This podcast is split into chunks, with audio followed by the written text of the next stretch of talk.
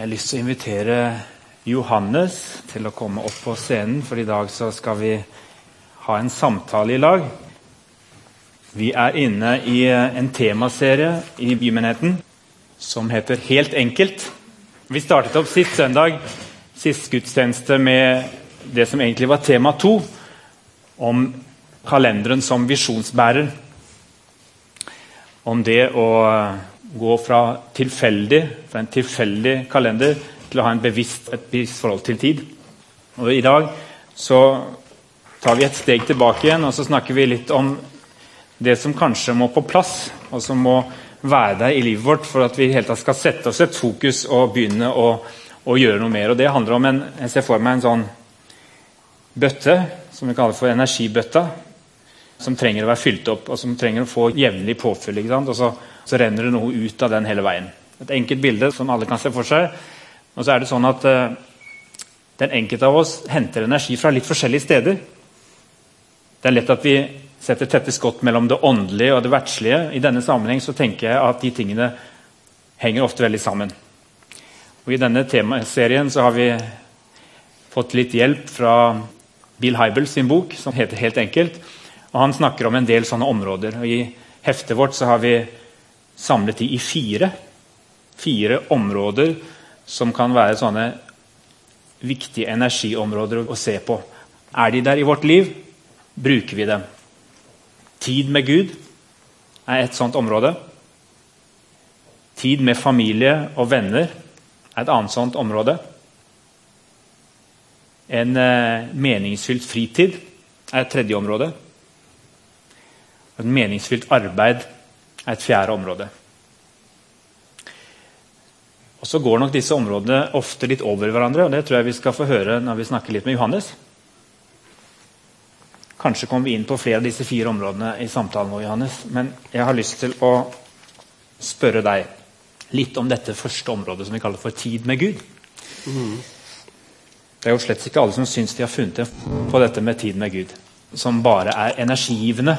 Veldig ofte så blir også det som har med tid med Gud å gjøre, noe som tapper oss. Knytter seg både dårlig samvittighet og brutte nyttårsforsett til uh, dette området tid med Gud. For noen av oss. Det skjedde noe med deg for en par år siden. Fortell litt om, om det som satte i gang en ny tid i livet ditt.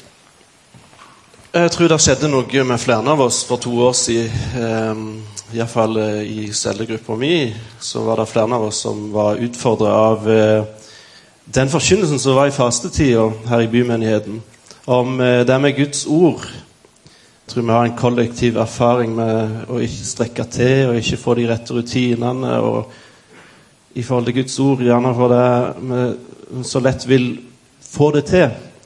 Og så var det en del forkynnelse og en del oppfordringer om å rett og slett Bruk tid på Guds ord om du ikke får den gode følelsen.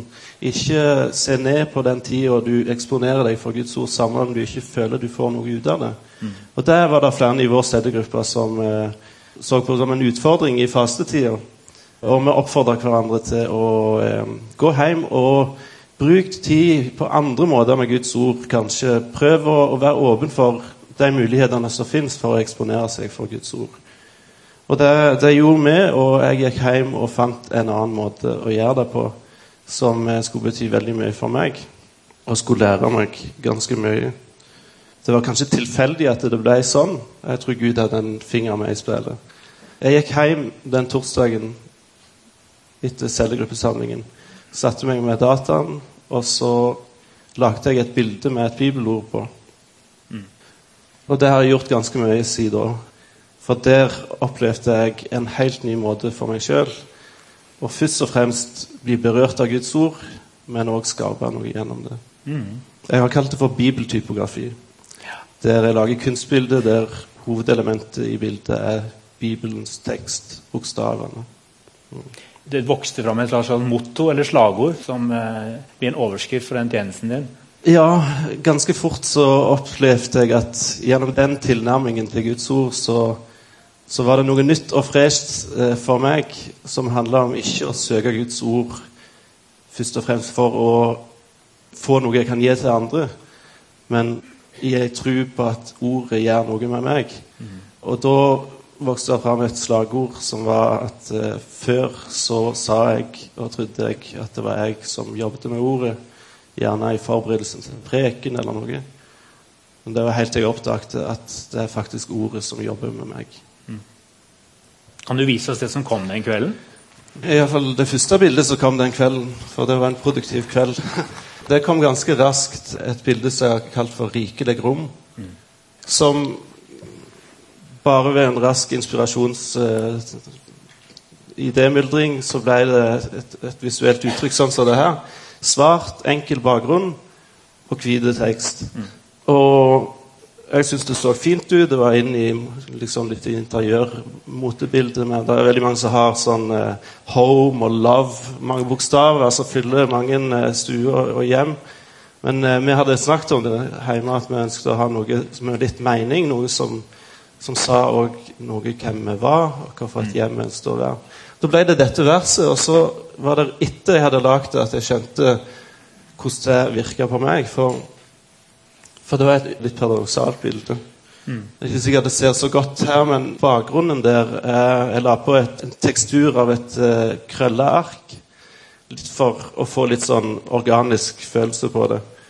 Og Så kom jeg på å tenke på en historie jeg hadde hørt om, um, om kristne i andre deler av verden som ikke har Bibelen. Som gjerne ikke har lov å ha Bibelen, som det å ha Guds ord medfører en risiko for å bli forfulgt. Mm at jeg hørte en historie som grep meg veldig. At noen hadde kun én side i Bibelen, så de krølte og hadde i lommen eller gjemte en plass. Og gikk og memorerte den, og så ga den videre. Og så En enormt sterk kontrast er til oss som har gitt ord fysisk rikelig rom i metervis av bokhyller i alle format, i alle oversettelser. Vi gir ordet rikelig rom. Men eh, kanskje det er en hemmelighet som ligger hos de som har lite, men likevel gir det rikelig rom i levd liv integrert i seg sjøl. Og på mange måter har jeg jo gjort det i teksten òg. Jeg har ikke akkurat gitt teksten rikelig rom. Jeg har ikke brukt hele lerretet. Det er pressa. Og det ble veldig sterkt for meg som en utfordring å sette oss i kontakt med den forfulgte kirka. Og så får jeg en assosiasjon når jeg ser bildet av det, er at eh, av og til så presser omstendigheter i livet seg inn på oss og endrer rammebetingelsene våre. Sånn at det som er aller viktigst i livet, blir presset og kommer kanskje enda sterkere fram.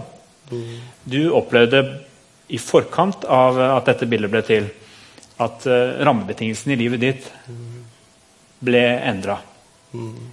Si litt om uh, den parallelle prosessen det bildet det var for to år siden, omtrent et år før det, så eh, opplevde jeg at eh, jeg fikk en del oppmerksomhet på denne sida av kroppen min, og særlig hånda, som eh, av en eller annen grunn eh, begynte å skjelve litt. Og jeg var aldri veldig bekymra, men jeg gikk jo til legen og, og eh, ble avdekt at eh, et eller annet var ikke helt som det skulle være, og jeg regna med det var en grei behandling for det. Men eh, etter et par måneders eh, utredning så eh, fikk jeg sommeren da diagnosen Parkinsons sykdom. Mm. Som eh, kom ganske brått og bardust, kan en si, på en eh, mann i min alder. Og det var jo en livskrise. Det var som om rammebetingelsene bare preste seg på. Mm. Og eh, ja, det er ikke det enkleste vi har opplevd. Og det er en utfordring som henger over oss mm. med en kronisk sykdom. Du opplevde at det, det også satte i gang en slags sånn ja, en identitetskrise. Hvem er jeg? Mm. Hva er jeg? Det gjør jo det. Det gikk opp for meg hvor mye av min selvfølelse og vår egenverdi vi kanskje knytter opp til hva vi gjør, og hva vi får til. Mm. Jeg tror alle vi er veldig fromme og sier de riktige tingene, at menneskeverdet er knytta til et menneske uavhengig av hva vi klarer å prestere. Men hele samfunnet og alt er bygd opp på hva vi klarer å levere. Det er nesten som når vi har ungene på fanget og sier til dem eh, det skal bli spennende å se hva det blir av deg, mm. så, så sier vi indirekte at de er ikke noe ennå. Altså, vi ligger i det vi skal realisere det vi skal få til. Og det ble veldig truende for meg, for eh, en ambisiøs mann som merker at eh, jeg mister førlighet. Eh, jobben som ungdomspastor var heller ikke så lett. Eh, ikke for ikke motivasjonen var der, men for jeg hang ikke med. Det er en krise. Da blir en ført til en, eh, en søken etter hva er det som egentlig holder. Hva er det som egentlig en har. Vi hørte lest eh, teksten fra Lukas 10 om eh, Martha og Maria. Ofte så hører vi den teksten. Jeg tror de aller fleste av oss ofte får litt sympati for denne Martha og kjenner at eh, hun hadde noe litt grunn til å være litt irritert. No, noe av det som jeg synes er litt eh, viktig å ha med seg når vi hører den teksten, det er jo at eh, Martha var nok ikke en eh, undertrykt og glemt kvinne i den heimen. Hver gang vi hører om dette huset, så er det Martha som er referansen. Det er hennes hus. Selv om det altså var en bror der som heter Lasarus, og en søster som heter Maria. Men alt, alt, handler egentlig om at det er Martha sitt hus. Så hun var nok den som var vant til å, å være den viktige. Og denne dagen så opplever hun at uh, at Maria gjør noe av det som kanskje mange av oss kanskje opplever. At det er noen som, som setter seg ned og hviler liksom før jobben er gjort. Sånn Intuitivt så tenker veldig mange av oss at du må gjøre en, en innsats her i livet før du kan sette deg ned og hvile deg ved, kanskje ved Jesu føtter eller ligge i sofaen. Akkurat denne dagen så har Jesus et behov for å sette Martha litt på plass. Vi er skrudd sammen sånn at hvilen det er noe vi må gjøre oss fortjent til. Vi har snakka litt sammen om jødisk og kristen sabbatsforståelse. Hvordan kan den utfordre både Martha og vår naturlige tankegang? Ja, sabbatsforståelse Bibelen forteller om at dagene er innordna i arbeidsdag og en hviledag. I skapelsesfortellingen er det den syvende dagen som er hviledagen. Da Gud hadde arbeid, så hvilte han og var fornøyd og tilfreds tror det er måten vi òg tenker, at vi, vi, jobber og så gjør vi oss fortjent til en hvile. ikke sant? Og det er rart hvordan hvilen oppleves mye sterkere òg når en har tatt seg ut. Jeg tror det er en god ting i seg sjøl, men det er noe rart som skjer eh, ved Jesu oppstand. Han dør og gjør sitt livs eh, verk, frelsesverket, på fredagen, og så hviler han i grava. Og så er det da søndagen han står opp med kraft oppstandelseskraften. Og, og, vi kristne har jo først og fremst søndagen i dag, som vi feirer Guds oppstandelse. Det er den første dagen i uka mm. i dag. Yom Rishon, første dag. Og eh, vi kan begynne ei uke med å ta imot hvilen. Det er et fantastisk perspektiv. På grunn av det han har gjort, mm. så kan vi hvile, og så kan vi gå i hvilen. Og så er det en prioritet her. Mm. Søk først Guds rike, sier vi. Men eh, mange som meg og Martha er sånn mer opptatt av hva det der andre vi skal få i tillegg. Mm. ikke sant? Og det å sette seg ned, som faktisk er det Maria får ros for, mm. er jo det samme ordet som eh, sabbat, lashevet, shabbat. Mm. Rett og slett å sette seg ned. Når vi snakker om hviledag, så peker vi alltid på ting vi ikke skal gjøre, og sånn, men se nå på hva vi skal gjøre. Og det å sette seg ned. Og, du tenker at det er nesten som en uh en demonstrasjon i vår tid, hele sabbatsforståelsen, den, og den kristne sabbatsforståelsen. At det er en demonstrasjon inn i vår tid. At hvilen den kan virke uproduktiv, men den er en forutsetning for alt annet. Ja, men Det er jo det. Tid er penger, sier vi. Og, og, det er en motstand i meg for mange av oss når vi setter oss ned og vet at vi skulle gjort noe. Men med det så bekjenner vi at uh, Gud har gjort, og Gud gjør. Og min innsats den er egentlig forsvinnende liten. Enten en heter Johannes eller Vidar eller noen av oss. Enten en er sånn eller sånn i den store sammenhengen, så er det av det Gud gjør og virker. Og så er det dette her med å ha flere tanker i hodet samtidig, som det ofte vi trenger når vi går inn i, i Guds ord. Og det er en annen tekst i evangeliet som handler om det å hvile. Når Jesus sier 'Kom til meg, alle dere som strever og har tungt å bære', 'jeg vil gi dere hvile', så henspiller han også til det samme ordet, sabbatsordet. Men så slutter han ikke der. Så slutter vi der med gullordet. ikke sant? Men så fortsetter han umiddelbart videre og snakker om, om å bære åket sammen med Jesus. I den bibeloversettelsen som kalles for 'The Message'. eh, gjengitt i min oversettelse, så uttrykkes dette sånn Gå med meg og arbeid sammen med meg. Se hva jeg gjør. Lær nådens uanstrengte rytme. Jeg skal ikke legge noe tungt og upassende på deg. Slå følge med meg, og du skal lære å leve friere og enklere. Det er interessant hvordan Jesus snakker om hvile og arbeid sammen med han som om det er to alen av samme stykke. Har du smakt noe på hva det betyr i praksis, Johannes? At uh, denne nyoppdagelsen i livet ditt, som på en måte handlet om å finne en ny energikilde, et nytt hvilested i livet ditt, for din egen skyld og for ditt fellesskap med Jesus, at det plutselig gikk over til også være å gå sammen med Jesus, arbeide sammen med ham? Mm. Det har jo det, og det er rart at jeg trekker fram dette som eh, et eksempel på hvile. Fordi det er et godt stykke arbeid som er gjort i mange bilder og, og, og masse tid. Men eh, jeg holder oss før stadig tilbake til begynnelsen, der jeg oppdaget at dette er noe jeg gjør for min egen del sammen med Gud, uten en tanke om om videre, så har det likevel gitt meg en ny tjeneste. og Der noen dører har blitt stengt i annen tjeneste fra før, så oppdager jeg å få lov å være en som formidler Guds ord på en ny måte. Mm. Og åpner opp eh, en del trossannheter for andre gjennom det. Og det syns jeg er fantastisk. Jeg, jeg, skjønte ganske fort at dette kom jeg til å gjøre i en eller annen form videre. og jeg jeg registrerte mitt eget foretak. Det var ganske tøft. Fikk visittkort og greier på 79 kroner pluss alle tilvalg. Eh, og så Det var en spesiell dato?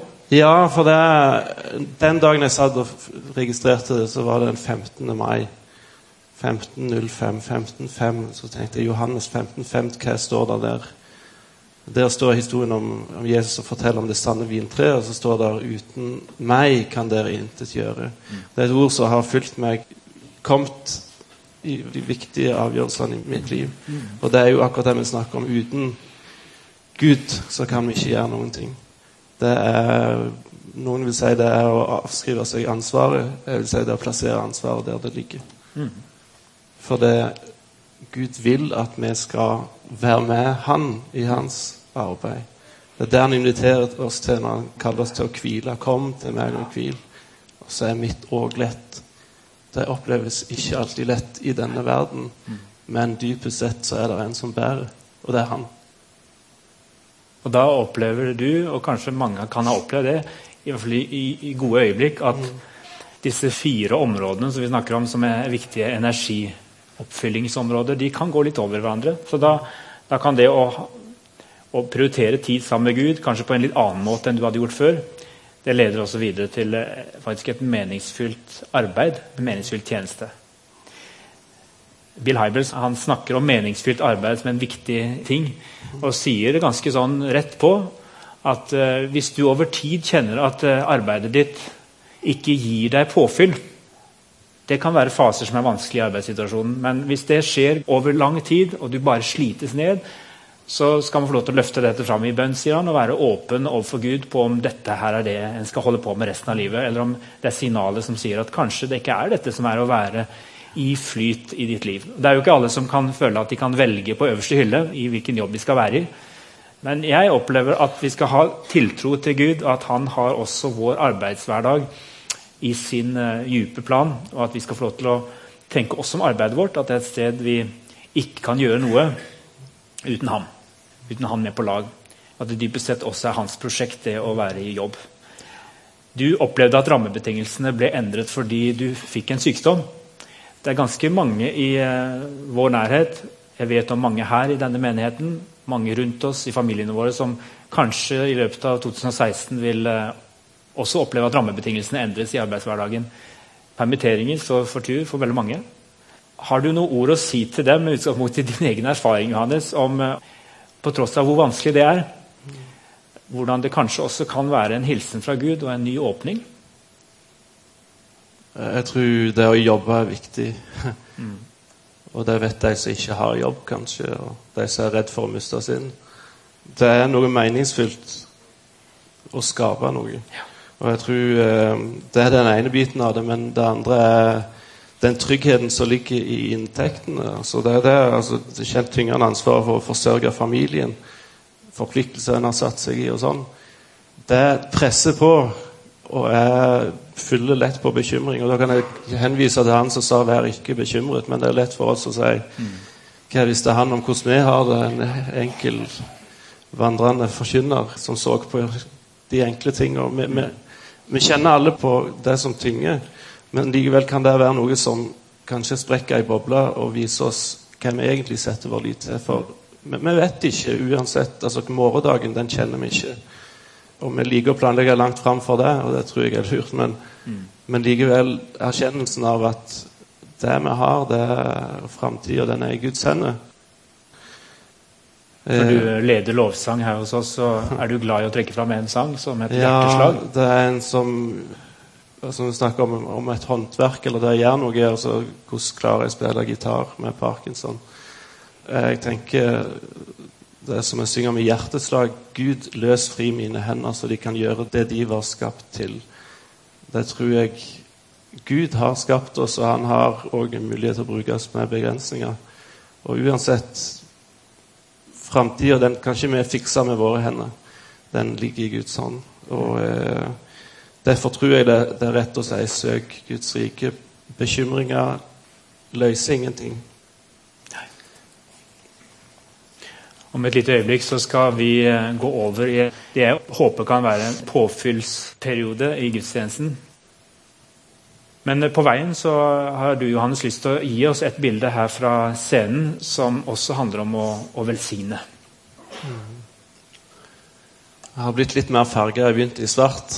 Bibeltypografi har jammen vært et mørkerom. Eh, men det har kommet mange farger òg. Mm. Og velsignelse er et av mine nyere. da et bibelvers som alle har et forhold til, for det er liksom signalet om at snart er gudstjenesten ferdig. ikke sant? Nå skal vi snart videre. Og det er rart, fordi Jesus sier 'kom', og så sier han i neste åndedrag 'gå'. Sånn er det når vi samles her. Så sier han 'kom', og så sier han 'gå' med velsignelsen. Velsignelsen er knytta til hendene. og I bildet ser en mine hender, men det er folk før meg som har heva hendene og lyst velsignelsen utover folket, slik Aron og hans stamme skulle få lov å samle Guds folk og ta hendene opp og gi noe ifra Gud. På mange måter er det en parallell til velsignelsestanken som en nå finner i Gamle testamentet mellom far og sønnen, der eh, en overgir verdien, framtida, til neste generasjon.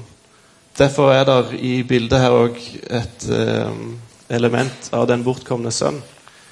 Eller sønnen som kom hjem igjen. Han som hadde tatt sitt på forhånd og stolt på egen innsats, på at han sjøl visste best, han havna i en posisjon der han kom tilbake og sa Jeg fortjener det ikke, men la meg få være her. Og der blir han vist nåde igjen, og på ny er det hendene som omfavner ham. Slik at velsignelsen er en plass der vi måtte komme tilbake til startpunktet eller utgangspunktet i vårt liv.